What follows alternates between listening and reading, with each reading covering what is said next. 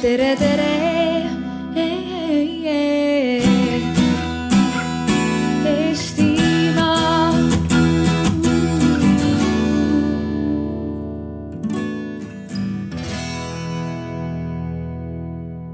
Hello, everybody.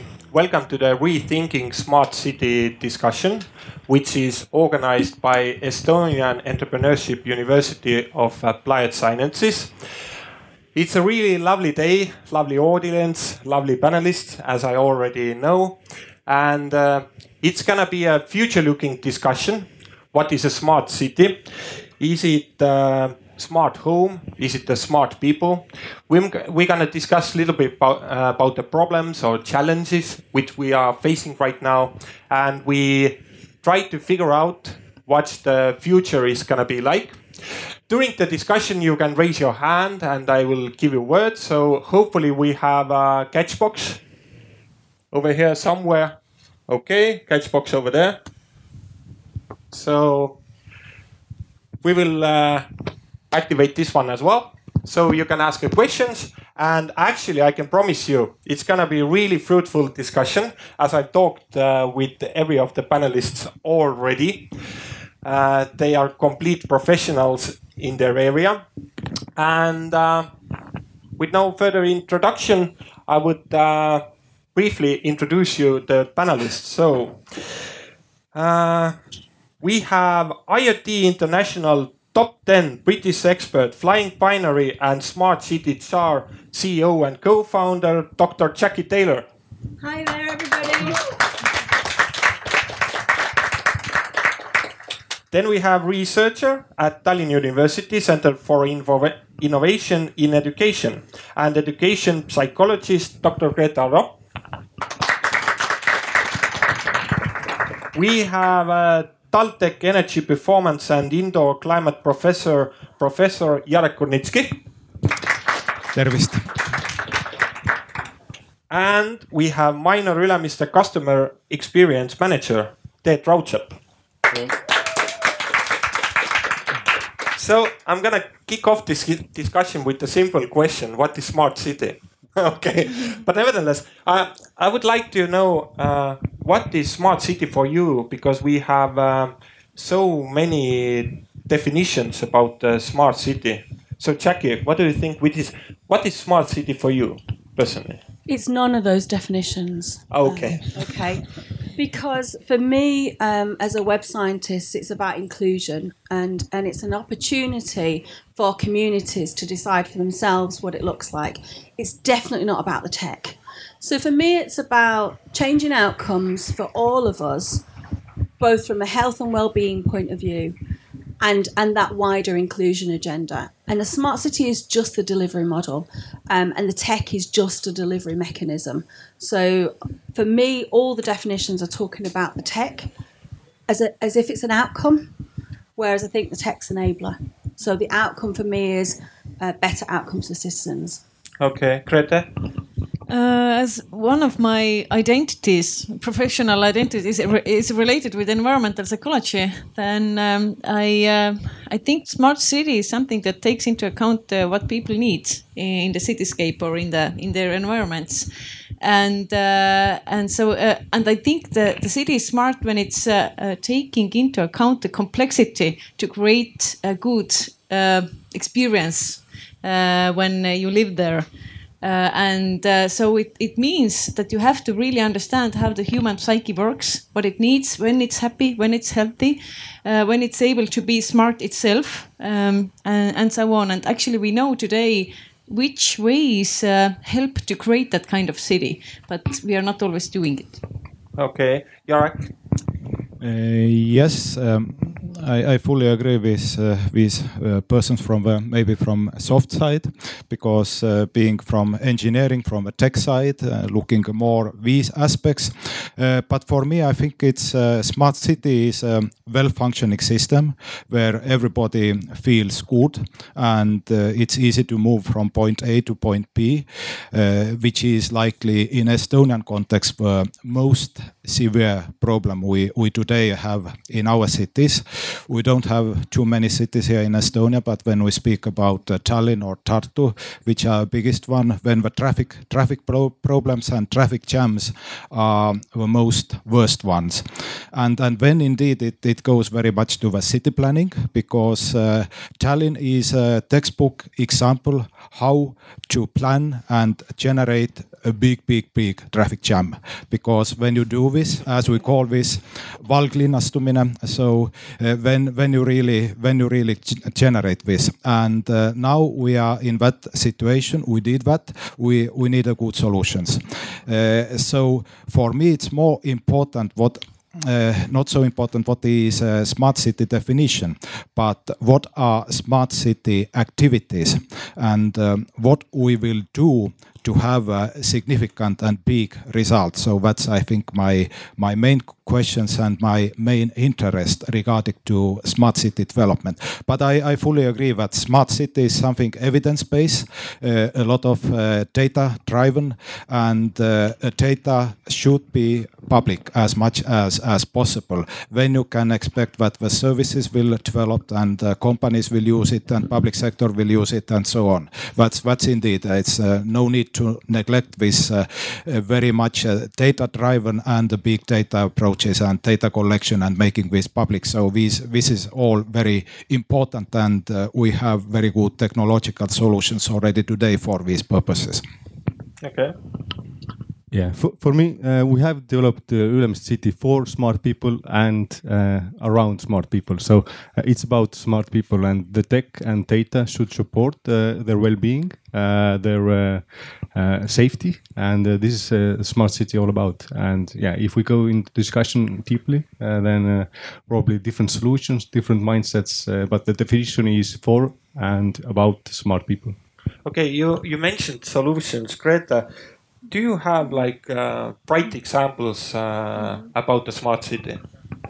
Uh, well, yeah, maybe I'm not uh, really. Uh, um, uh, maybe I don't know your um, definition of smart city, but when I think of the data, what um, intrigues me most from environmental psychology or, or city, city um, environment studies uh, those focus on the nature aspect in the cities. So actually, there are uh, really, really a lot of data assessing uh, various aspects of uh, how we function mentally. For example, there is uh, something that everybody, everybody of you, if you work uh, with your heads, when you do something cognitively hard in your works, probably you don't work in factories, so you need your head. What gets most uh, like fatigue is uh, is uh, your attention, your executive functions, your ability to uh, concentrate, to switch tasks, uh, to keep things in your short-term memory. This this is uh, this is put on on on big pressure during our daily lives, and the question what could uh, what could make it back uh, bright during the working day. And there are many many studies that show that actually uh, elements related to nature are the most effective for that. And uh, this is for just an example how we can really e in an easy way uh, restore our uh, the most needed psychological resource in cities with actually doing nothing. Because not, nature is something that comes itself if you leave some areas just to be with itself. Uh, so this is one example what really intrigues me, but we okay. don't see it so much. Good. You have even created smart solutions. Uh, I think. Uh, yeah. Correct me if I'm wrong.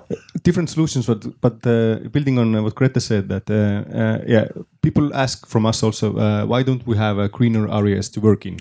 why why don't we have public spaces or in parks uh, where actually you can plug in your um, uh, laptop or uh, any any other device and why can it work? So uh, this is what, what we also look into but the solutions yeah if we take any solution that can uh, make uh, daily life uh, easier or more comfortable, uh, then uh, we try to uh, take this uh, or put the people in a center. So we try to see what is their need or uh, what is actually blocking them to have a better experience daily. And yeah, from a tech solution like we have the smart parking solution right now that we identify uh, cars based on uh, surveillance cameras uh, and empty spots uh, on the parking lots and direct uh, people to the empty space. So those are tech solutions, but uh, those are coming from the needs of, of people. Okay. So, Jacqui. So, so, unsurprisingly, I disagree. Um, one of the things that um, okay, that's good. One of the things that I did, I was invited to speak at Davos this year on this whole piece because my company builds a technology as part of the counter-terrorism response for Europe. Uh, it's been built from a city's perspective. Um, I'm one of the 30 open data champions, so I championed that in the same way that Tim, Tim Berners-Lee did, and that has come back to bite us. So open data is not part of my roadmap, and it's not likely to be. We've opened 3% of the world's data, and the 97% that's locked is where I'm focused, and the answer isn't open. But what I said at Davos, I chose um, to do two things. First of all, to comment on the future of the cybersecurity industry. There isn't one. Um, that, so that was a quite short comment. And then brought together the voices of 133,000 people from across the world, people that that really hold what Flying Binary does to account what we've done across the world in terms of bringing their voices, their often unheard voices. 40,000 of those young people actually are Generation Z, they're 26 and under, and they fundamentally disagree not just with the smart city movement, but the way in which the Internet of Things is being viewed. And um, their view of it was you're going to make some intervention, but you do two things first. First of all, don't do anything um, in my name without telling me and secondly, don't be creepy. So, so that's sort of the, the broad brush of the golden thread they give us to work to. Not much, actually. Um, but the reality of it is there's one th- thing that connects every single city in the world, and that's nothing. So every city and every community within those cities is actually different. So any cookie cutter approach, I'm not sure if any technologists in the room, cookie cutter, create a platform, sell it out there. That's all very well, but how are you going to configure it for communities, um, say in China, around Shanghai, and expect somebody in Hangzhou to agree that's a good idea? No way.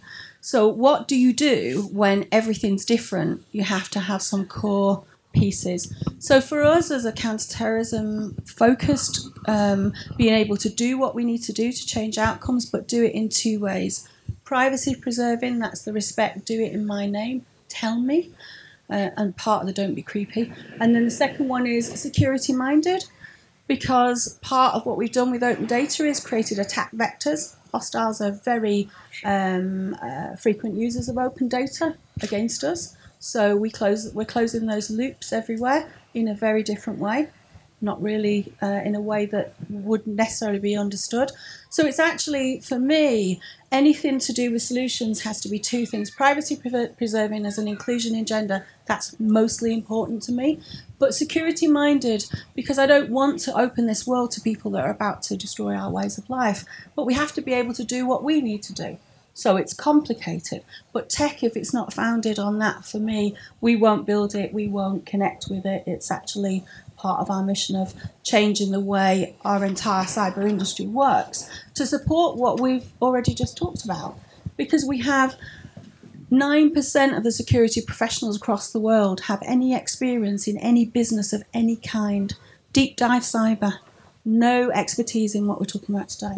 Okay. So, you know, it's about repositioning everybody for, to deliver that new vision. Okay. Jarek, about the smart solution, based on that even. Yeah, maybe I would like to co comment the previous one. So you were very much uh, speaking about uh, privacy preserving, and that might be a cultural difference. In in many studies, it has been noticed that Estonians are somehow open-minded, and um, our digital services there is a lot um, starting from mobile parking, uh, what you can do in the banks, and what you can do for uh, governmental institutions. Uh, a lot of services. These basically destroy very much Estonians. Uh, privacy. And and nobody cares in Estonia about that. So we have such a history and a track that for us maybe this is not a big deal for somehow. Uh, indeed um, uh, what, what is private, what, what, what is a real private data? Indeed, uh, where there is some limit, but, but basically we don't care if somebody can track how we move, and if that is not the personal data, then we, I think we, we don't care much. So this is, uh, this indeed provides a very good opportunity for this type of services all, all over Estonia and, and in all sectors. But then I would like to make one parallel uh, because uh, smart city is maybe not so old phenomena. So, uh, how many years it is hold? What uh, you you have a best experience? Is it ten years or how? Thirty-five years was my first start, smart city project. Thirty-five years, yeah. So, Thirty-five years ago, I designed new jet engine technology to uh, change the noise pollution levels in our city. Yes. So when yes. I was born, so yeah, okay. yeah. So I'm so it's old, yes. so we, we no, can no, see no, this uh, yes yes uh, as a quite an old, but maybe it was even older in buildings when first time somebody started to speak about smart buildings, and uh, the development what we have seen in the buildings is that today we don't much speak about smart buildings, but we speak about the buildings which have very good energy performance which have very good indoor climate and can provide um, uh, well-being for the occupants. And we also speak in, about the productivity, for example, in office facilities or student learning performance in, in schools. So uh, this environment on the building level sh should um, indoor environment should affect so that the students learn more. And uh, this is evidence based. It, it is possible. So I, I mean this smartness was uh, a, a kind of very good objective, very good target, but when it find it likely or more precise content to make a nice indoor environment in buildings. So uh, people are basically uh, they are comfortable, they are well-being. There are also some health implications, and it can increase productivity and learning performance. So that's that's the understanding today about the smart smart buildings. And indeed, there is a lot of technology uh, to do all these things and also to provide these nature aspects so that there is some views and the green thing, things included which are indeed very important in the city scale. But maybe in the city scale it is also we uh, at least in Estonian context we we need to connect all these sustainability aspects energy and and uh, let's say carbon intensity aspects also to the smartness because uh, these things can be developed together so that uh, uh, occupants feel more comfortable and all these uh, environmental effects can be reduced. So, so it is possible to do this at the same time if activities are right ones. Okay, Ted, I want to ask you, uh, if we are doing smart solution uh, in in the smart city, then uh, there is some purpose. So uh, we are doing for for some reason these smart things. What do you think? Uh, what uh, the smart so, uh, city solution have to offer to the people, businesses, environment, and country? Why we are doing it? Okay, that's a really wide question, uh, but uh, I, then I can choose what, what I can answer. So yeah, what, but it has to yeah. Let, let's say uh, we we are a privately uh, built city, so uh, we don't have any funding from uh, public sector. So we have to bring also a sustainable, like um, from the yeah. perspective of the stakeholders. so we have to bring the solutions that also make sense money-wise either it's uh, yeah directly bringing uh, back some money uh, for the stakeholders or uh, indirectly. Uh, uh, for example, boosting our customer experience index or doing something for for the people working daily in our campus. So yeah, it, it has to take into account first uh, what it's go going to uh, what, what, the solution is going to solve. Uh, is there an issue? Uh, I talked about the parking solution. Uh, we, we, see here also somewhere this uh, snowbot running around that will probably clean our parking lots or our pedestrian roads next winter.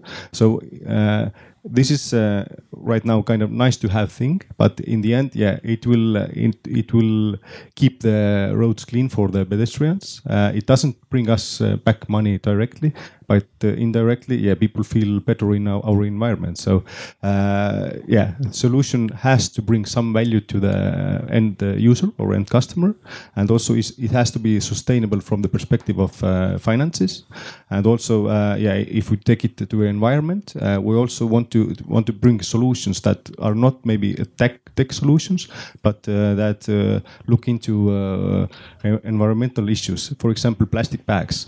there was an initiative in in Ülemiste city coming from one of our customers to change all the plastic uh, uh, diner uh, or the boxes, plastic boxes, okay. one-time use plastic boxes to bring the food to, to your workplace to recyclable ones or reusable ones. So we try to also uh, teach this kind of mindset to different uh, persons uh, daily that uh, you you have to care about the environment. You have to care about the city where you live in or where you work in. So this is uh, yeah it was a really wide question and really wide answer i would say. So but yeah uh, it has to br bring i would say different aspects the solution has to bring. Otherwise it doesn't make sense to have just something tech savvy or yeah. So it's a big planning actually yeah, it's a big planning and and it takes time. Uh, we, we could implement different solutions. There are so many uh, uh, fancy tech solutions uh, that uh, we could uh, implement, yeah, on a small scale. But it doesn't make sense if it doesn't bring any values. Okay, Greta, what do you think? What what the smart smart city concept or a solution should offer to the businesses or people or even country? Um, actually, I was just thinking about solidarity. So actually, in the cities, uh, in residential areas, we have all kinds of different people, and there are several groups. When we think about what, uh, well, the brain is evolutionary old. So I mean, uh, uh what makes us uh, more functional, more happy, more uh, restored from our daily lives are certain aspects of city. And as I mentioned already, the, this the, the, the most effective for that, that purpose are natural elements, but not only elements, but also areas where you can like dive in. It's not only that you see a tree, but you should be able to really restore, uh, to like get lost in that, to have this uh, ability. And why I'm so convinced in that, for example, there was a study in. Uh, made by a research group in Max Planck Institute in, in Berlin. Uh, they studied uh, really neurobiological aspect. They studied um, the integrity of amygdala. This is related to uh, our ability to resist stress. And what they worried uh, was the how uh, far away was the natural area to your home. So they found out that the, the closer you live to the really natural na natural area, as we know in Berlin, there are a lot of forests uh, the more um, integrated was the amygdala, so the more resistant to daily, stre daily stress the person, the, the, people were. So of course it was cross-sectional and so on, but actually it supports many, many other studies. And my question is always that uh, are we uh, are we actually solid solid have we, do we have solidarity? It's also found, found out mitchell and popham some studies uh, who found out that the greener in greener uh, cities when where you have more like spread out the greenery everywhere uh, the gaps uh, the health gaps between poorer and richer people are smaller.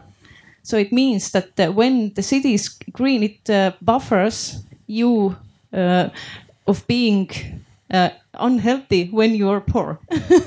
so it's actually possibility to make everybody's uh, lives better and to be planned cities according to that. That if you have like four children and no car, is some kind of green area available for you, uh, like in walking or, or cycling, cycling or whatever. Uh, yeah, and actually there is one group that uh, you might be also interested of. The, um, the, this group is children, and when you get children, then you start think differently probably. And many people um, maybe unconsciously want to go out of the city when they get children. They don't want to live uh, wherever, and we know that the, it it brings new problems with the transportation. And so the question is whether uh, it's possible to uh, create all living environments so that it's good to live there with children, because there are studies which are really um, astonishing for me, uh, where they studied um, different kind of attentional problems that children can have or uh, concentration problems. And when they studied the, the groups that, uh, who move from kind of a more urbanized area to the more greener area, it's really various. Uh, those problems get less uh, or smaller, and uh, there are different kind of studies. So cross-sectional, longitudinal that say that okay, maybe some problems we have with children today with concentration, attention, and so on are are also related to how green is the area where they live, so they in daily lives. Okay, Jacqui, uh, what the smart solution has to offer to the people, businesses, even even a country? So I think there's two particular areas I've been working on. Financial instruments. I'm a, an innovator in the SWIFT team, the, pay, the payments infrastructure for folks across the world, and our financial system across the world has its own problems. But um, the financial instruments we have to fund the sorts of things that we're talking about, they don't actually exist, and and they exist in a sovereign wealth territory. So when you're looking at long-term uh, 25 year investment. You can put portfolios together around that, but they don't really exist for what we would do from a smart city point of view because they tend to be around election cycles, whether national or local election cycles. So they're typically three to five years, depending on where you sit. So, so looking at new financial instruments about how we we navigate that 25 year sovereign wealth investment, which is what the sustainable funding you're talking about is, but what's the short term financial instrument that gets us along that path? And that has to be evidence based. So, so I'm working with um, some of the Series D funders, which most startups don't really get to because by that time the the whole way in which their service and, and things are uh, commercialized is slightly different. Whilst they're not sovereign wealth investors, they have a lot of the mindsets. If you're talking 25 million plus, then they tend to look at things in that way. So we're p- pulling some things together on that perspective, and I've got a group of a hundred of them coming into London later in August to actually thrash that out. We've done that at a UN level to say, well, you know, a lot of the 17 Sustainable Development Goals are underpinned by understanding this. I mean, not that finance is everything, but if we can't unlock, unlock the sustainable finance that supports what we're trying to do, we can't unlock the sustainable goals, or at least it, it causes us to do more tactical um, approaches to those 17 Sustainable Development Goals and not get that longer term how we all learn together because every city is different. So that's one aspect of it. The other thing which is interesting that builds on what you're talking about, Rita, is um, the, the Great British uh, Olympic team, when they went to Rio, they were kindly part of a research group that we put together. Um, my father was an early onset Alzheimer's sufferer, and if you have dementia is one of the the the well certainly for the G7 one of the key goals of, of actually understanding it and I believe smart cities give us a new model to understand a variety of models that help us deal with this. In Japan, where I work in the cabinet office there, Japan, arguably of all of our westernized nations, has that problem now. So, so they were able to step forward and say, well, we'll do some of that early look. Our British Olympians made, made some very minor changes in their health and well-being for the Rio Olympics. But every Olympian, if they weren't a medalist, became a bronze medalist. There was there were bronze medalists who became silver, silver medalists who became gold. What was that about, and how on earth does that connect to dementia?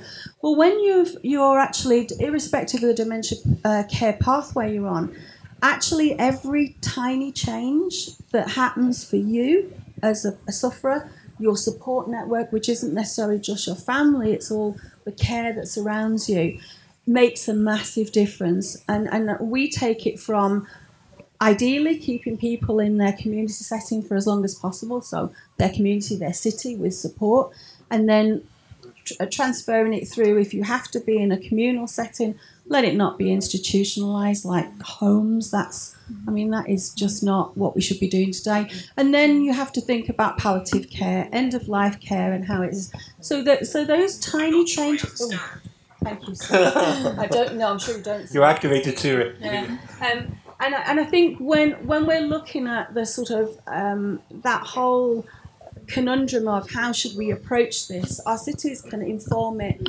Um, whether we, you've ever had a, um, a family member or a neighbour or somebody in your community that suffers, you're affected by it. And so, can we all um, support that. So we have a, a, new project which is just about to get going um, from a health and wellbeing point of view in the UK, which is across an entire area of the UK. Because there's no point of doing this um, as a pilot thing, as a proof of concept, because cities are so different.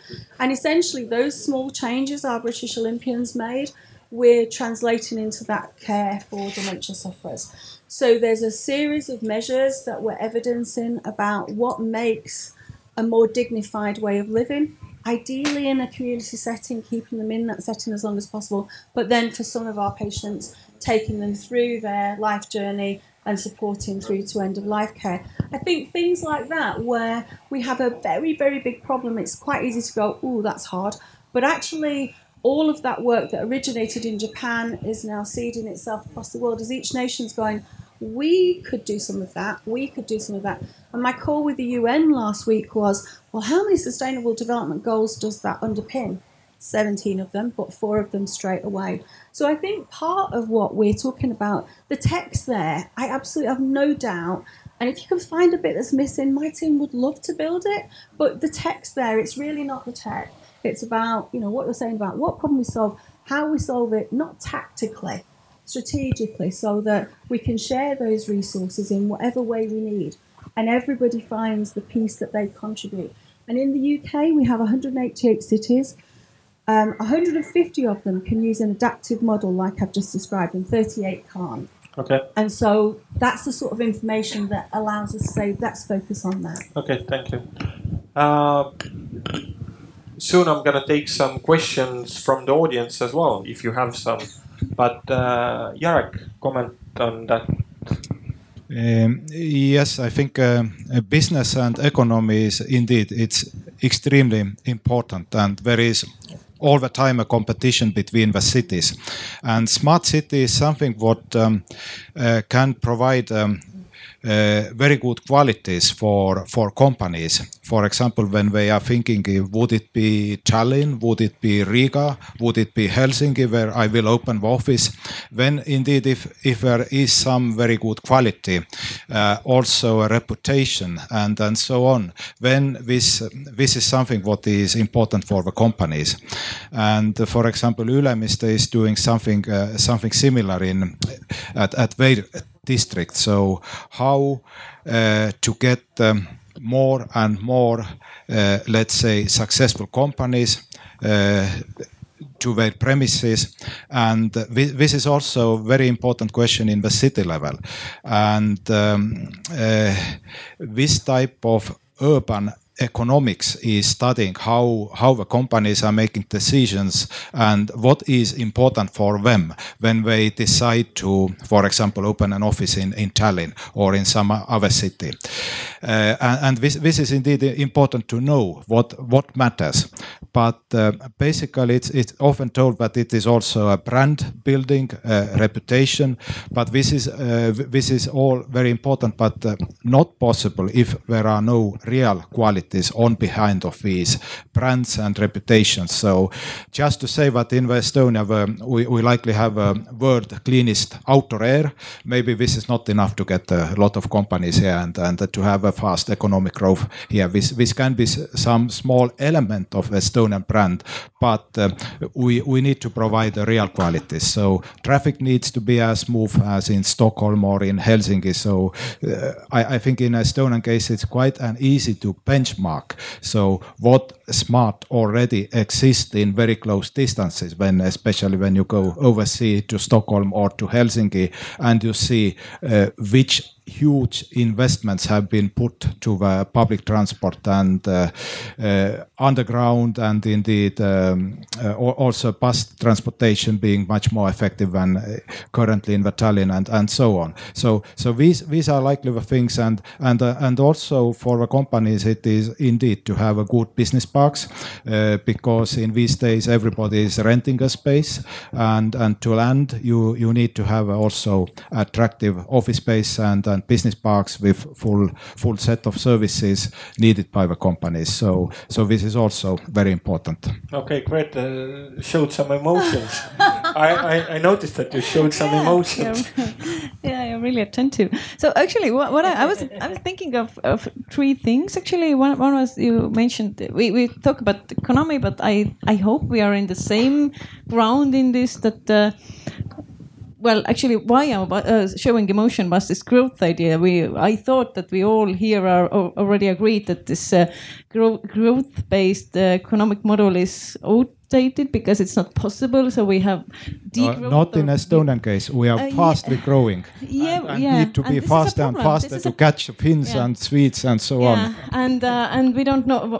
We, none of us want to know where we end. So actually, we know that this economy and financial system is based on ecological. Uh, intact and uh, sustainable ecological system, all this uh, ridiculous existence we, what we have here is based on that. So being environmentally friendly or sustainable is not just sexy thing that the city might have because it attracts people who are like-minded, but this is what we have to think of. Uh, and I was thinking about uh, uh, in this uh, smart city context, what can we do more and what could make us smarter in long term. And this is uh, actually two things. When the climate is changing, we, I know I'm getting repeating myself, but okay. when the climate is changing, we need more areas that can absorb water here in those areas because we get more water. And in some other areas where the heat peaks, they need more trees because it uh, regulates the uh, the climate or the microclimate in cities. So actually, we uh, also uh, see that in really, really uh, um, uh, basic uh, life quality questions, we also can uh, look to the natural solutions. And the other thing is what I just heard from the previous uh, stage where I was, ecologist Aveliina Helm said that one possibility to make a smart city is to create cities where children um, are raised inside of the biodiversity. The gardens, the parks, the city, forest, and so on are not just uh, monocultural, but uh, they are um, biodiverse because then it's their habit it, it becomes them to uh, the habit to see to uh, evaluate to see how it reacts to the changes and uh, to be able to protect it. So actually, this is cities are really, really uh, um, diverse in uh, species. They are uh, often more diverse than the rural areas, which are monocultural, and so this is really idea what uh, city builders should like take into their I don't know act on their desktop. okay, we're setting the catch box ready. Do we have some questions? Yeah, I'll give it over here. Uh, yeah, one one uh, observation and one question. Um, this this would definitely come better from. Uh, it's not working. Um, this would definitely. It's going to work soon, so okay. keep trying. All right. Um, Take some time. It's not I, I, I, can shout loud enough. It's okay. Okay. Okay. So so this would definitely come better from an Estonian. Uh, so I'll, I'll let somebody else say if they sort of echo this or not. But I would strongly dispute the idea that uh, uh, Estonians in general uh, don't care about data privacy. I think uh, it, it's it's possibly a generational thing. Maybe the younger generation uh, did not care about it, but I think since Cambridge Analytica and since uh, WikiLeaks and since uh, you know uh, all, all, of the various uh, nice things that Facebook has been accused of doing, people do care, and actually they are actively leaving social networks that compromise their privacy now. Um, uh, also, I would so I, I, would say maybe the world is waking up to the problem we have with data privacy now. Um, the question is, um, we've talked a lot about uh, helping the planet through smart cities and We've talked a lot about uh, helping people to feel better in the cities through the cities working in a smarter way.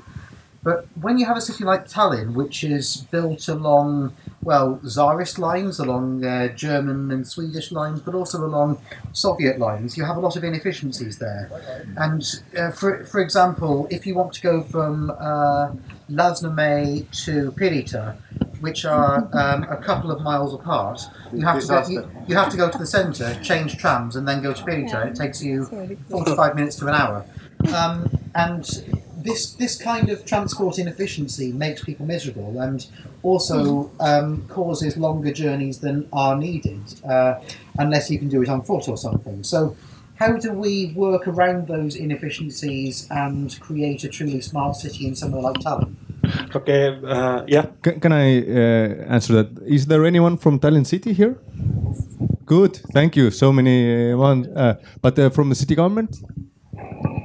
Ah, ah, one one guy is over there. Look. Okay, good. One So, so we have a messenger uh, who can bring it. So this is uh, actually really a valid uh, point that you're making. That uh, we don't have uh, these big transportation hubs. We have only one or two. One in uh, uh, and the other one in Viru, Viru Keskus. So uh, yeah, all the bus lines or tram lines go to one one direction and then uh, spread out from there. So this is a really good point, and this should be really. Done, but it, it's also a uh, mindset change that uh, people don't uh, use the same routes that they used uh, 20 years ago or uh, 30 years ago. So uh, I believe those bus lines should be studied based on data. We, we have the mobile data. We, we know from which points people actually moved to another. So this is really a task that we could promote uh, that the Tallinn city uh, could take uh, and based on many examples in, in the world they could uh, re reroute or uh, replan the public transportation. Can I also have a small comment about the data yeah. and the data privacy? Uh, I would say yes, uh, I care about uh, the data that is collected about me, uh, but if I could choose to whom I, I, I will show it, I would be okay to, to show it. Uh, I have this uh, smartwatch. Uh, it tracks my trainings. I would rather uh, share it with uh, my doctor than with my uh, with uh, I don't know Apple or Google, who, whoever has the data right now. I don't know. So uh, I would say uh, the I would uh, share the information about uh, myself and uh, my private data if I, I can see to whom I, I will I will show it. So this is um, Yeah. Yeah. Uh, regarding the transportation, Jarek, I know that you have some uh, some data and opinions about these transportation centers.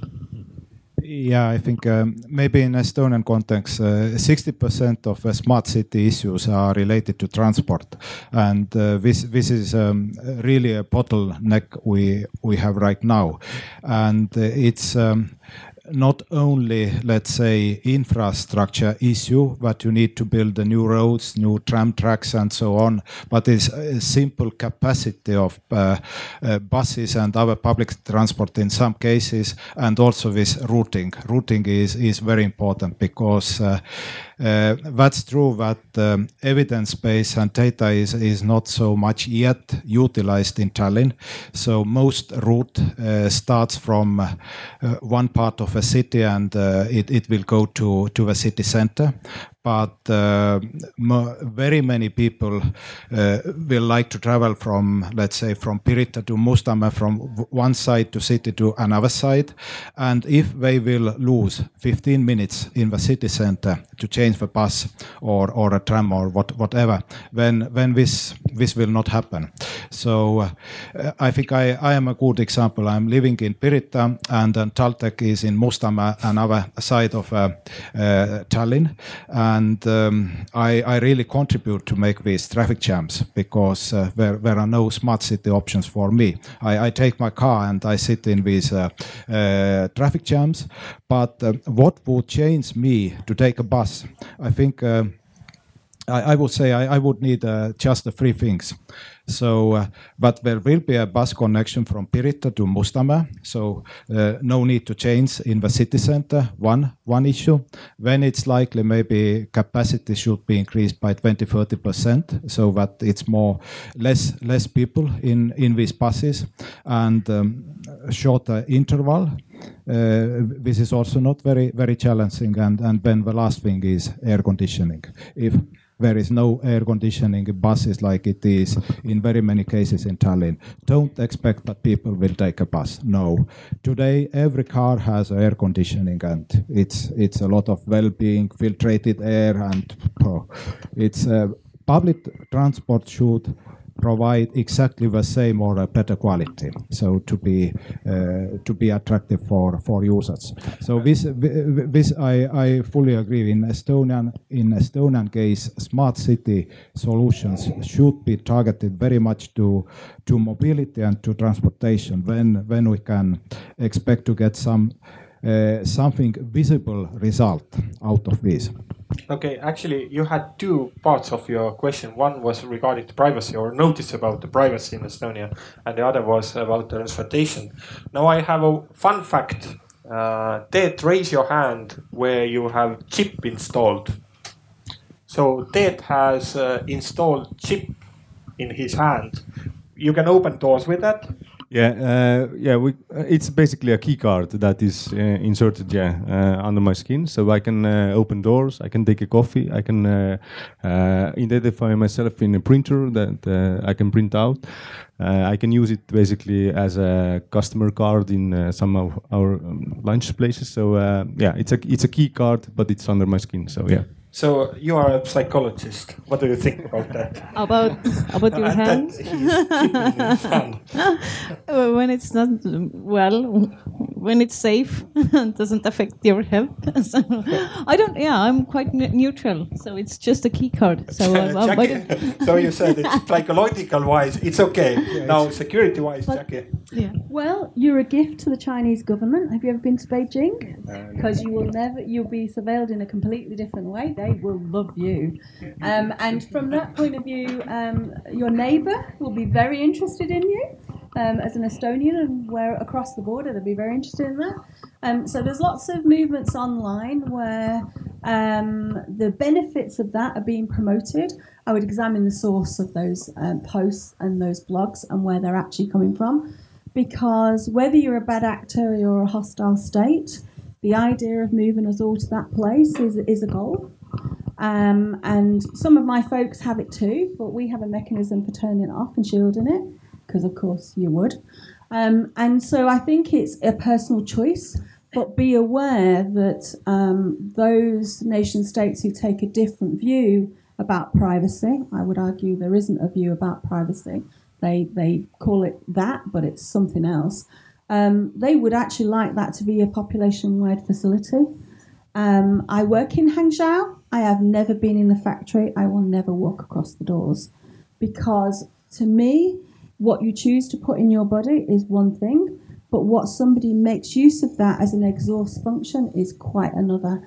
And, and I think you know um, as long as it as long as you do anything that you're cognizant of what somebody who has other values does with it, it's fine. But the new biometric checks when you fly into Russia and into China, uh, utilize those facilities for those individuals that have them. Okay. So, but uh, short comments. Uh, I hope Please don't oh, capture that on camera and put it anywhere. Okay, yeah. So afterwards, we have to review the recordings as well. Okay. Just that bit. Nevertheless, uh, short short com- uh, comments, both of you, regarding the transportation as well, as the question was about transportation. Yes, I, I was thinking about it. So actually, this is also a complex problem. So um, what what you said, we don't. We actually we could have the data. We could have the data what the transportation uh, connections we need. So actually, periphery should be connected to periphery. And I uh, I have heard this discussion because I'm also part of one community society, Telliskivi Selts in Tallinn, and uh, I have heard that kind of discussions for many many many years. So actually, we know this is not the priority of Tallinn city government to make. Uh, living in Tallinn um, mm, both sustainable and comfortable. No, it's not co- uh, sustainable, but it's also not comfortable. So, uh, So we are if- driving. Is there somebody from Tallinn City? I think they Still not strongly will will disagree about Yeah. that statement. yeah, so, I will. so what, what actually is the priority then? Uh, what's the priority? You don't want to know. No. Okay, okay. this is opinion. At the moment, cars. Not At the facts. moment, those. Uh, yeah. Okay, uh, Jacqui, about the transportation. Oh, you are right. It's your first time in Estonia, is it? It is my first yeah, time. first time in. Tallinn. What well, did my you see? first Estonian com- company I mentored was TransferWise. So I Ah, feel okay. I've had an Estonian heritage, but that was in Canary Wharf. So I've actually, the first thing I did when I came here was was uh, tweeted out a photo of you all sat on the beanbags and said, Tech City arrived in, in Estonia, because this is exactly what we did when they arrived. So that's cool. From a transportation point of view, actually, it's a key question um, because if we're looking at the sort of more holistic picture of a smart city, be it a community and as a you know like Tallinn, or you're looking at a nation state, um, that whole transportation piece is a, a point of debate where our funding and our, our energy is going into it, and lots of government cities are making investments in it. So back to that funding piece. So one of the questions I asked as part of my Davos evidence, because my, my whole philosophy of going and speaking there was, A, I didn't want to have to get on a plane and you're part of the problem, but if I have a chance to speak, let's get those Gen Alpha, Gen Z, so under 26 voices, our future Internet of Things workforce, to speak to them. I'll take their, their voices, not me. And I asked about this question because we've just done the whole investment piece from a European plan point of view and next five years and all of that. And, and one of the major investments is on this, but not to solve the sort of problems that you're you're asking. Um, 40,000 young people um, believe the future of robotics, autonomous vehicles, artificial intelligence, etc., etc., etc., all the tech stuff that enables this is a good idea. They don't fear it, they don't think it's going to lose jobs, they think it's marvellous. So follow that through with the transportation question and autonomous vehicles. Across the world, less than 20% of our young people thought there was any point to it whatsoever. It's like, Okay, that's an odd response. Apart from Germany, who've got a different view, which we don't have time to go into. So I asked a follow up question, but actually did some research in the UK because, again, we've got really depth, real big depth of research across all of our cities. So I asked that question. One of the key facts that came back was um, from our Department for Transport, because, of course, they care about this stuff. Only 19% of um, Generation Z have driving licenses in the UK. They don't care, they don't want to care. They actually want a mixed modal transport that supports social mobility. And if that is, is a charging point in Ipswich running for an electric scooter that allows them to get to an, um, you know, a, a bus point that takes them somewhere, they don't care. Make it frictionless, make it connected. Don't steal my data and don't be creepy. But actually just get on with it. I don't if i want to if i want a driving license those those 19% that i want a driving license they use community sharing economy uh, models. Zipcar is one of the ones um, car in france you know and, and they just don't care. It's like and, and actually the other thing that they said when we asked the question was this is a way of getting our vehicle industries that have ruined our planet a future, don't care, not likely to. So I think partly, if we don't get citizens to participate in this across the generations, because I completely agree with your privacy statement, I think across the generations it's a very different answer, and it's and it's it's partly an awareness thing, but I think it's partly a philosophical thing. If we don't part, get people like us to participate and challenge back the perceived wisdom and the investments we're making, we'll just do the continuum of what you're describing. I can tell you in Osaka in Japan, that's the very same debate is going on, and and what's okay. being done about it. Okay, so basically. Uh, I was uh, I was thinking that you should meet Markus, who is uh, co-founder of Bolt, uh, previously Taxify, which is one of the Estonian unicorns. Mm-hmm. TransferWise is uh, also we consider Estonian unicorns, ah. despite it's, it's a UK company. However, Markus is how old is Markus? 26, 25, something like that, and uh, he did. Uh, now it's the Europe biggest rival for Uber. Ah, right. And uh, recently they uh, launched these electric scooters in the app as well. So Yay. you should definitely meet Markus. uh, do we have um, other questions from the audience? Okay, back back over there. Can I do it like football? Okay, I'm not trying. I'm not trying. So gently, be aware. Up. Almost. Almost. Yeah. Close, very close. Talk very, really close. Uh, At least you hear. Do you hear me? Yeah. Okay, I think yeah. so.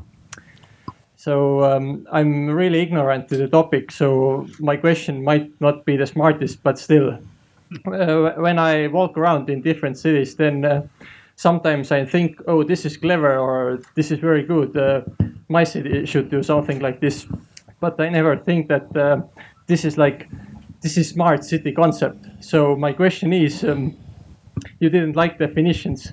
To me, it seems too broad. Do you understand that everything that should have like positive urban planning outcome in cities is smart city, or are there some other competitive philosophies, urban planning philosophies that could um, that uh, maybe don't agree with smart city concepts? So maybe you can discuss a little bit on that.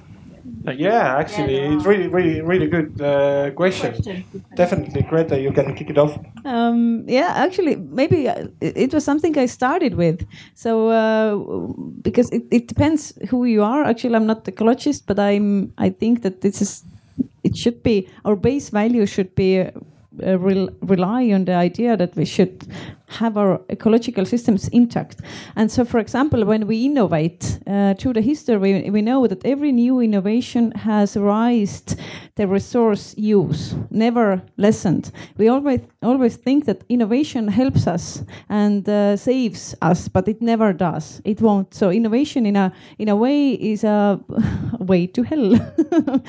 but it shouldn't be. We, we, when we would be able to take that into account, that uh, when we innovate in order to um, rise resource use um, to the natu- natural resources we have, uh, then it's it's not good idea. So actually, in many smart city solution, I just see the, the um, possibility to play with new tools, and it's uh, act- actually making some problems us. So I would say that smart city should put the long-term existence of humanity also into the model. Okay, Jacqui, you want to? So this, I had a chance to play with this one because this frustrates the heck out of me. Um, I'm an aerospace engineer, so what do I know about urban planning? But I know a lot of people that do. Um, so I'm the city's lead for Digital Built Britain. We are leveraging our infrastructure to make its contribution to our Paris Agreement commitments. And so the first thing I did was, where's the applied research? It, I'm, it's fabulous you're doing all this great stuff, but where are you researching the sorts of things Grete's talking about? So I can pick that up and actually utilise that to understand how the fabric of the UK can play its part. And the answer was, oh, yeah, well, not good enough. So there's an area of research called space syntax, which sort of wraps in what you're talking about, um, puts it in an ecological setting. Actually, my own research is in um, uh, Zakynthos in Greece, but there's a complementary research project in Maui in Hawaii. It's a nice place to go. Um, but but it, actually, this is often done. Uh, the the origins of the re- of the applied research is in history. So what have we learned? What did we create? Why did it go wrong? And it is a evolutionary circle of well of doom. You're, you're not wrong about that. But some of that is a learning. So the way in which, for example, Manhattan was created and the, the sort of ecology around that still has something to contribute if you look at it in that way. So we have a new faculty um, in the UK which has caused immense trouble. Um, called the Bartlett Institute, which has got no allegiances to any sort of urban design of any kind. Professors who are prepared to just do anything to get a better way of thinking and um, contributions really from all over the world you sort of apply to be part of it. And so some of that research is going on there, but the requirement is 35% of the people in there have got to be under 30 because actually this is designing for a future that most of us, you know, we've had our chance and therefore it shouldn't be us. And the youngest researchers are five.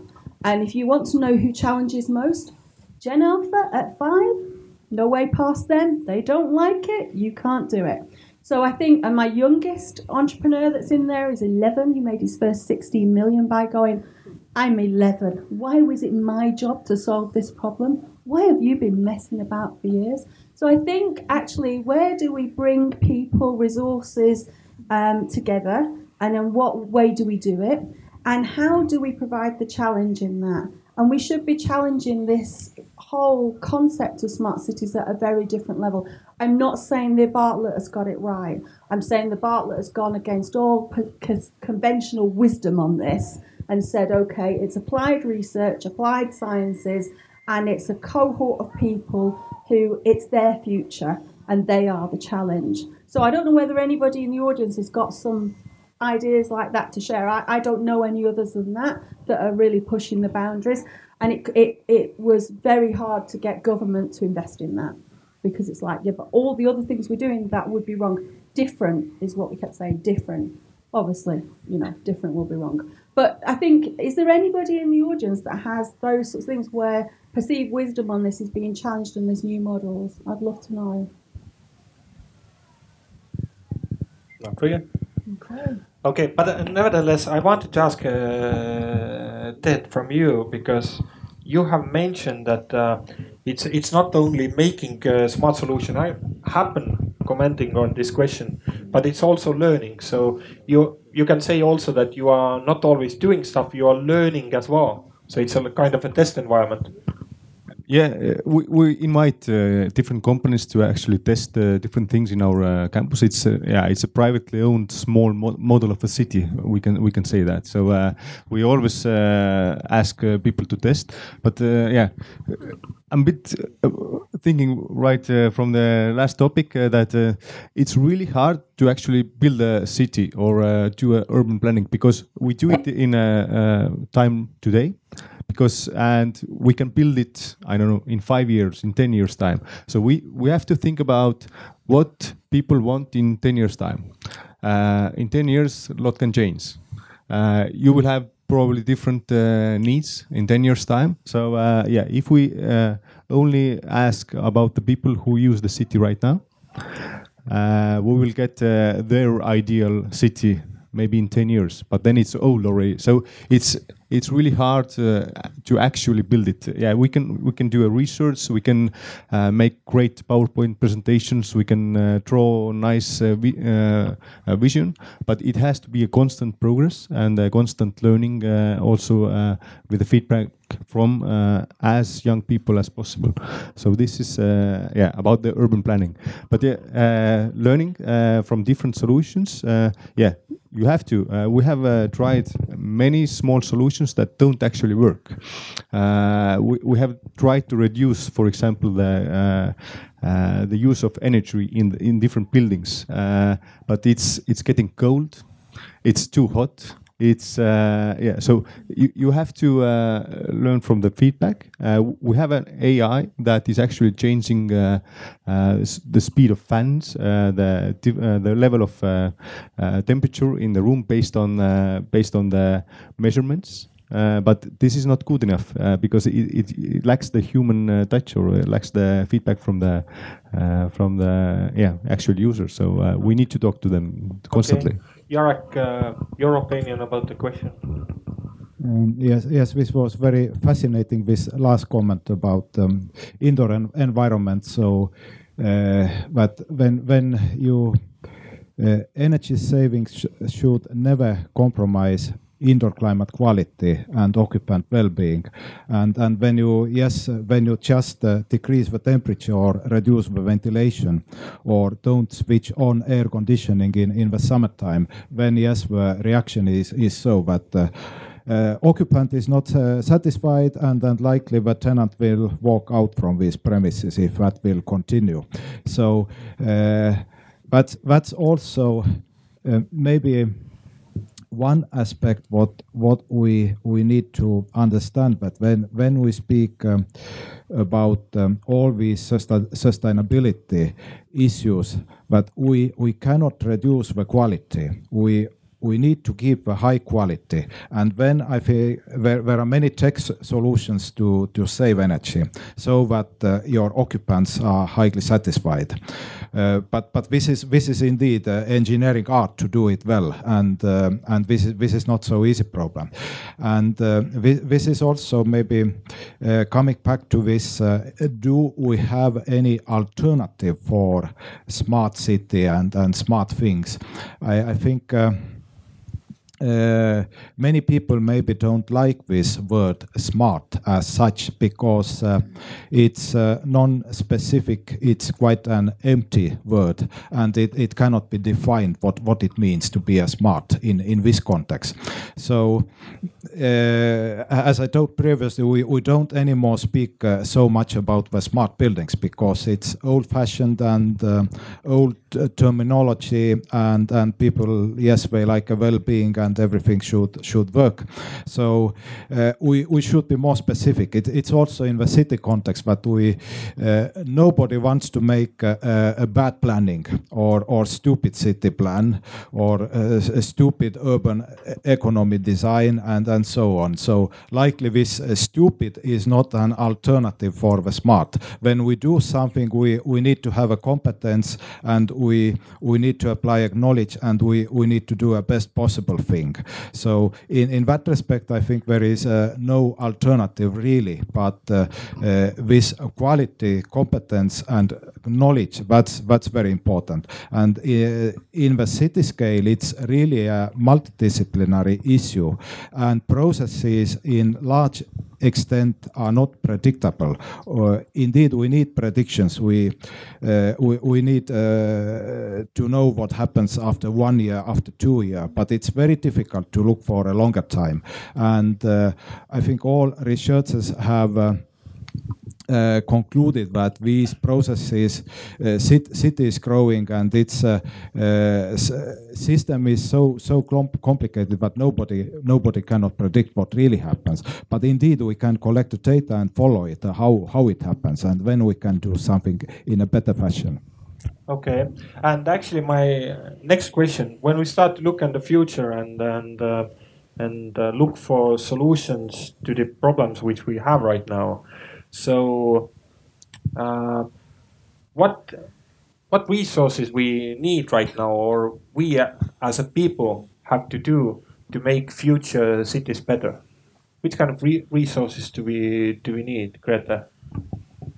Mm. There is always money. Thing, I no, I don't need. I, I don't think. Um, it's it's. Uh, the resource would be uh, evidence-based planning. So uh, we don't always need only money for uh, make wise and uh, long-term um, um, uh, uh, decisions that might be effective in long term, and decisions that keep our living conditions in balance. And as you said, we don't have alternative for smart cities.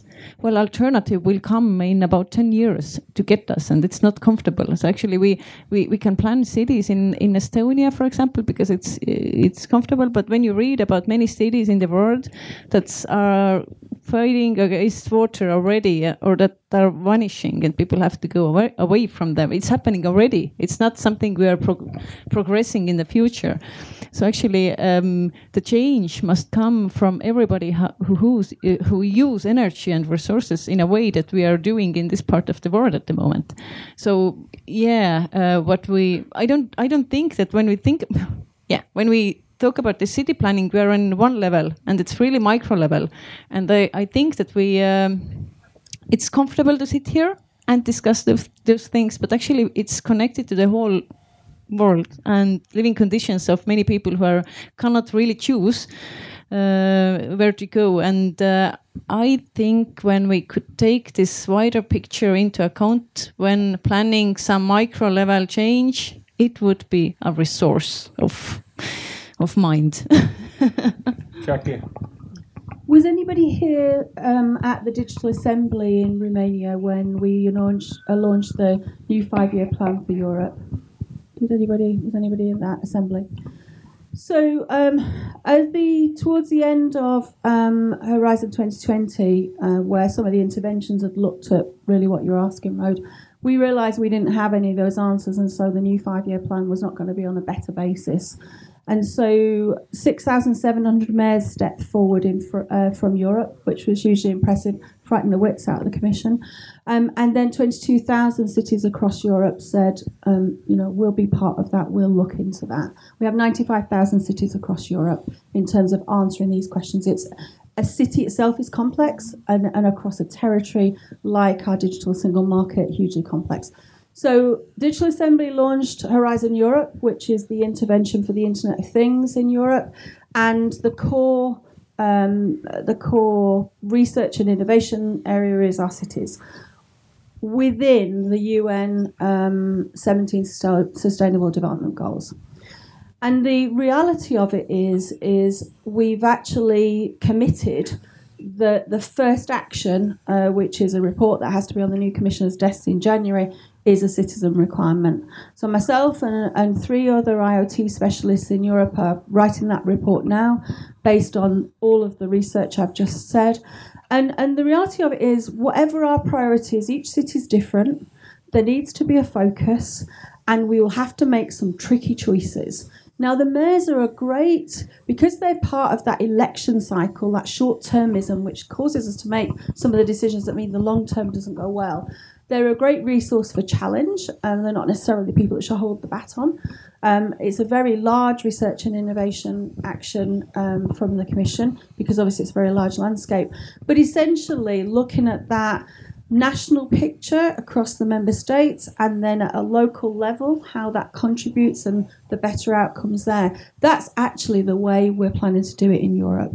And so the citizen requirement is the first project out of the stocks and so the work starts in earnest in January on the basis of uh, those recommendations that we write.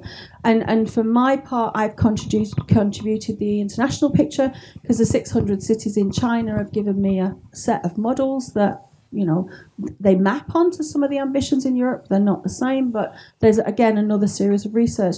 But the effectively, uh, I think one of the things is you have to accept, and this was hard to do. It required um, the whole of the commission to be reorganised to do it. Whatever you're doing regarding the policy you put forward. You have to put the funding next to that. So, this is your ambition. The money should flow from there. And again, that's more of a sustainable piece. We're not calling it smart cities because basically it's like there's one thing we're going to do and it's not smart cities. I don't know I like the new label any better, but at least it's not smart cities. It's called intelligent cities, and the mayors say it means different things to different communities. They're prepared to back that as their delivery model. That's important. But but I think the reality of it is is if every city had a hundred things they want they wanted you know, we've had the Tallinn transport model. There's likely to be three things that that five-year invention uh, intervention supports, and providing citizens are part of that dialogue and get to participate in those three choices, the numbers of sort of the long list and three I've just made up. But if that's the way we're going to do it, if we all decide together that our priorities are these top three, and that we recognize that the others won't get done in five years, and that is different across all 95,000 cities. How much of the debate will we have moved forward? For my part, I believe we'll move it forward a huge way. The UN have committed to actually help us understand how much progress we've made against that sustainability agenda as well. So I think I'm not saying that we've got it right in Europe and it's a huge task, but what we've done is we've looked at it by turning the whole model that we've talked about up until now upside down and putting it in the hands of those civic leaders who it is their duty and their elected okay. duty to deliver. So okay. maybe that's one way. Thank you. Okay, Jarek, your thoughts? Which kind of resources uh, do we need? Is it only uh, financials or the people or? I, I think uh, with money it is easy right now because European European Bank all the time is printing it a lot and uh, interest rates are negative. So basically, problem of money has been solved for many years. but then, uh, what to do with this money? That's that's a problem we, we really have. And actually, to be serious, I think it's it's a lack of competence is the most severe problem we have. We have very little uh, research related to these issues and we don't have uh, enough good education for the persons making these decisions and working in these cities and, and so on. And uh, research, building up a research and building, uh, educating a competent persons, this takes time, but we, we need evidently fast solutions. We we cannot wait for five years. It's it's too long. We we want to see tomorrow that something will happen. So so this is likely the the path Estonia is really uh, a, a uh, struggling. How how to get more knowledge in these issues and how to make wise decisions to to go on in right direction. And and I think there is even very good example from Ülemiste. Ülemiste is now funding a professorship at Taltech, and it's called Future City uh, Professor. So he or she should start to work in in in autumn. So, this is a, private investment because Ülemiste city, they have really uh, convinced that this competence in Estonia is too limited. And if you don't have competence, then you cannot expect any result. And they are ready to invest a lot of money to fund the professorship. And actually it's co-funded with uh, Tallinn City and with a couple of some other companies. So uh, this is just one example, but, but I, I, still believe it's uh, lack of competence what's the most uh, biggest problem. And indeed, these are uh, kind of a new challenges for in Estonian context. And when you uh, development is very fast and you achieve some level, when it is not so easy to continue to know which is a right track. When when you need a lot of evidence and competence to make um, good decisions. Okay, so we have uh, even solution happening right now. But Ted, can you comment on that? Which kind of resources do we need to to make things happen? I, I would say personally that we need to uh, change the mindset. I, I I think people don't care enough, so they don't care about their own city. Uh, they don't. They are not vocal enough. Uh, for example, this transportation case. Uh, there are elections. uh, I don't know every four years in in Tallinn. Uh, is it uh, one of the most important topics on debates? Uh, I don't think so. Uh, people, yeah, sit comfortably here also, uh, and we talk about those issues, but we don't raise them. Uh, maybe it's a nature of uh, or nature of uh, Estonians uh, that uh, we are not so uh, vocal. Uh, we Not don't yet. go, not yet. Uh, we don't. So. Uh, I wouldn't call it a research, uh, resource, sorry, uh, but uh, we, we have to care more. Uh, we have to care uh, about our immediate environment and then uh, look beyond that. Okay. So, so if I can uh, yeah. say a short comment, I, I think this mindset issue, uh, something happened yesterday in this festival. They they did a very strong statement about the climate change, and this was um, one of these areas where young people were involved, and young people were very much concerned about their future. So they asked, "What what you are uh, old old guys? What you are doing? Why why don't you uh, uh, don't you take this care? Uh, what we should do in the future if you do not react?" And it was very very very strong, and it was also very well communicated to the public yesterday. Uh, so uh, so maybe these things are happening, and when when we here discuss about the smart city, when somebody more and more people start to ask from city of Tallinn why you don't do this and this and this, and why this uh, let's say inhabitant centric approach is not used, and where it is on your webpage, what are your main targets, and so on. I on. want to see it online, then it's happening. Okay, then it's documented when it's online. Uh, as we have uh, short time to go, then uh, mm, then I would ask uh, basically a final question, and then we have uh, opportunity to do. Or let's do audience question before. Uh, catch box is behind you on your left, and yeah, question. Yeah. Ju- Yeah. Is it working? Yes, I don't yes. hear it. Okay. Um, one one of the problems, and I think it was actually caused bizarrely by the awareness of, of climate change, was that young people decided that somehow direct action was going to be more important than getting involved in politics. And I've been involved in, in these kind of community groups, city smart city groups in, in Belgium and the UK, and, and tried it even here. And, and youngsters think somehow what they wish will somehow happen and and and my you know with with the benefit of, of my more great experience i just say well I, I mean i've been interested in politics since i was like 15 and it's like just join a bloody political party. It doesn't even matter which one. If enough of you join it you will change that party. And the kids go oh no no no we just want to like make this happen. We just think there won't be cars in future. It's like there will because they'll be different then that's the other thing. It's like what young people want is what they want now when they are young people, and it's the same when you know when when older people were younger, they wanted different things. And in the UK, one of the reasons people don't have driving licenses is because it costs a fortune to insure a car when you're young. It's not a choice. The choice is they don't want to spend eight hundred pounds a year to have a car that they can't use because of the traffic problems. If they lived in Estonia, those same people might have a different view because insurance is cheaper. There isn't traffic jams in most places here. So it's like all of these thing, things change. But getting involved in politics is the main thing. And politics means a political party because that's the system that we have to work with. You can't. So, so are you saying that uh, one option would be to to be in a party?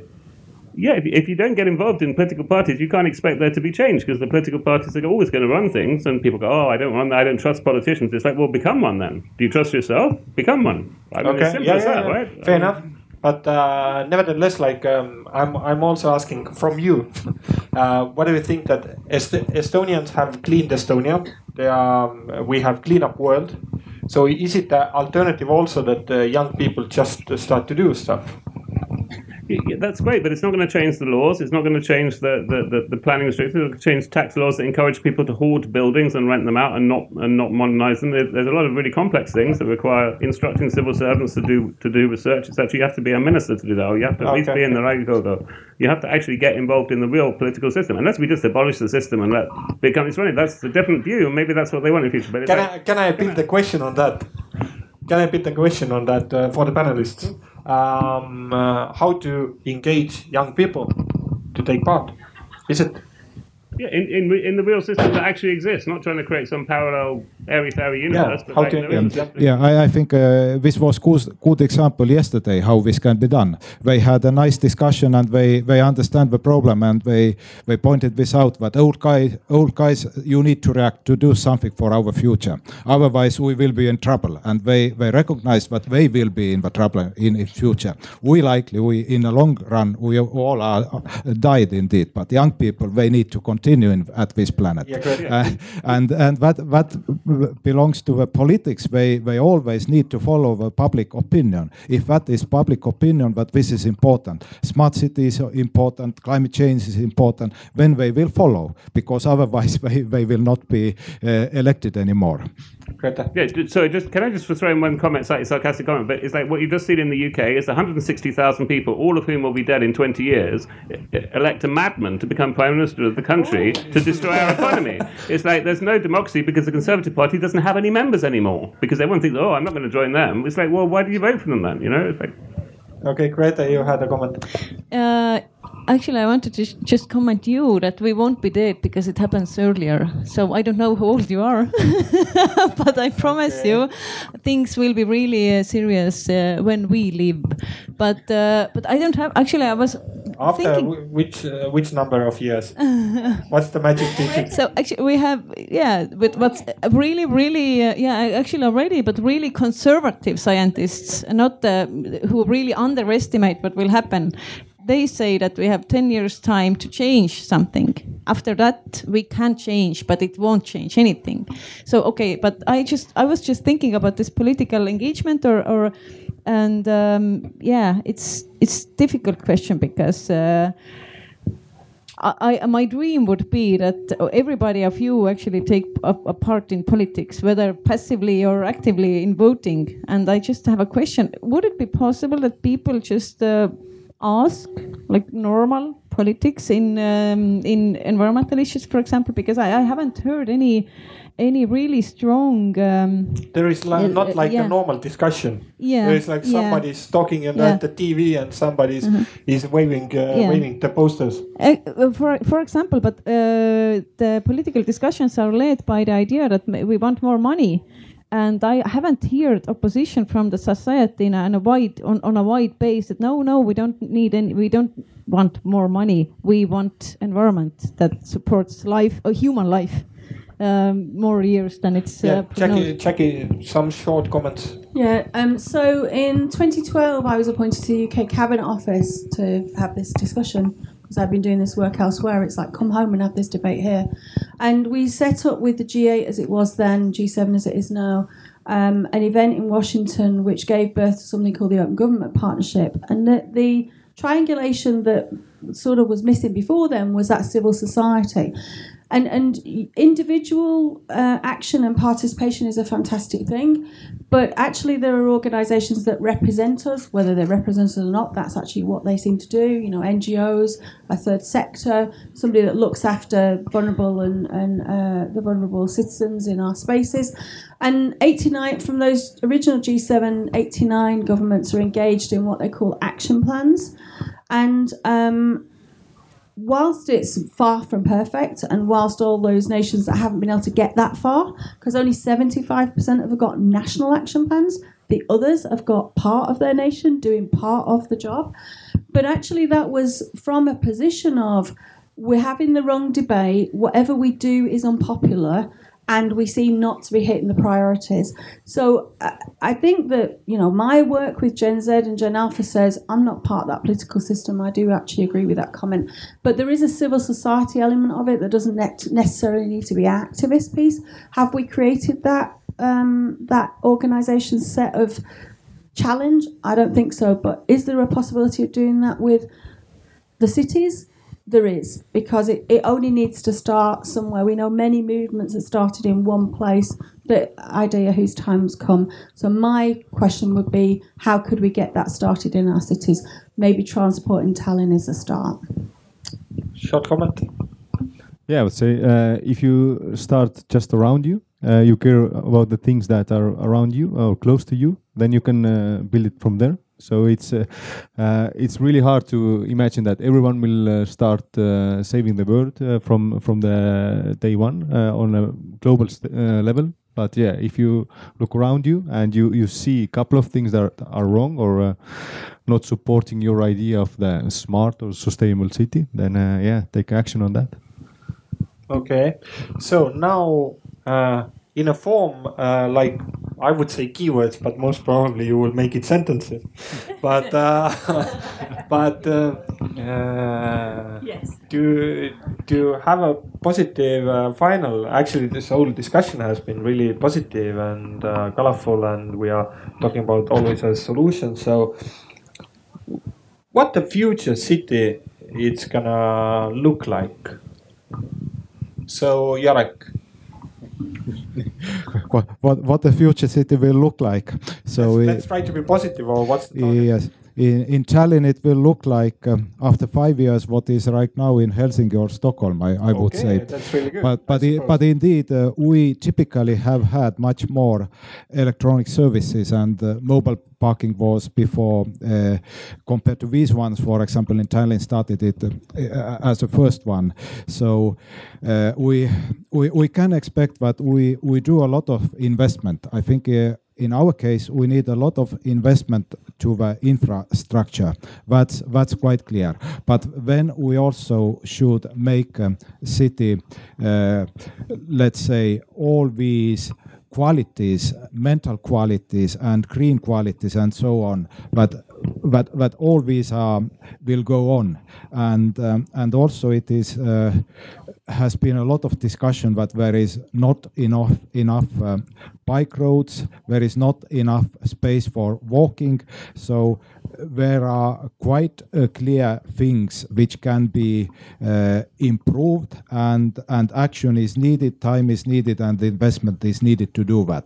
And uh, I think what what we should do is very well to commu- communicate this knowledge and evidence we have, and to the research and collect the data which will then support this evidence-based decision making. That the, uh, our, challenge is to do right things, and um, because resources is limited, time is limited, we, we need to do this this very fast. So that's that's the challenge. Okay. But I am basically very optimistic. Yeah. Okay. We are doing this. Okay.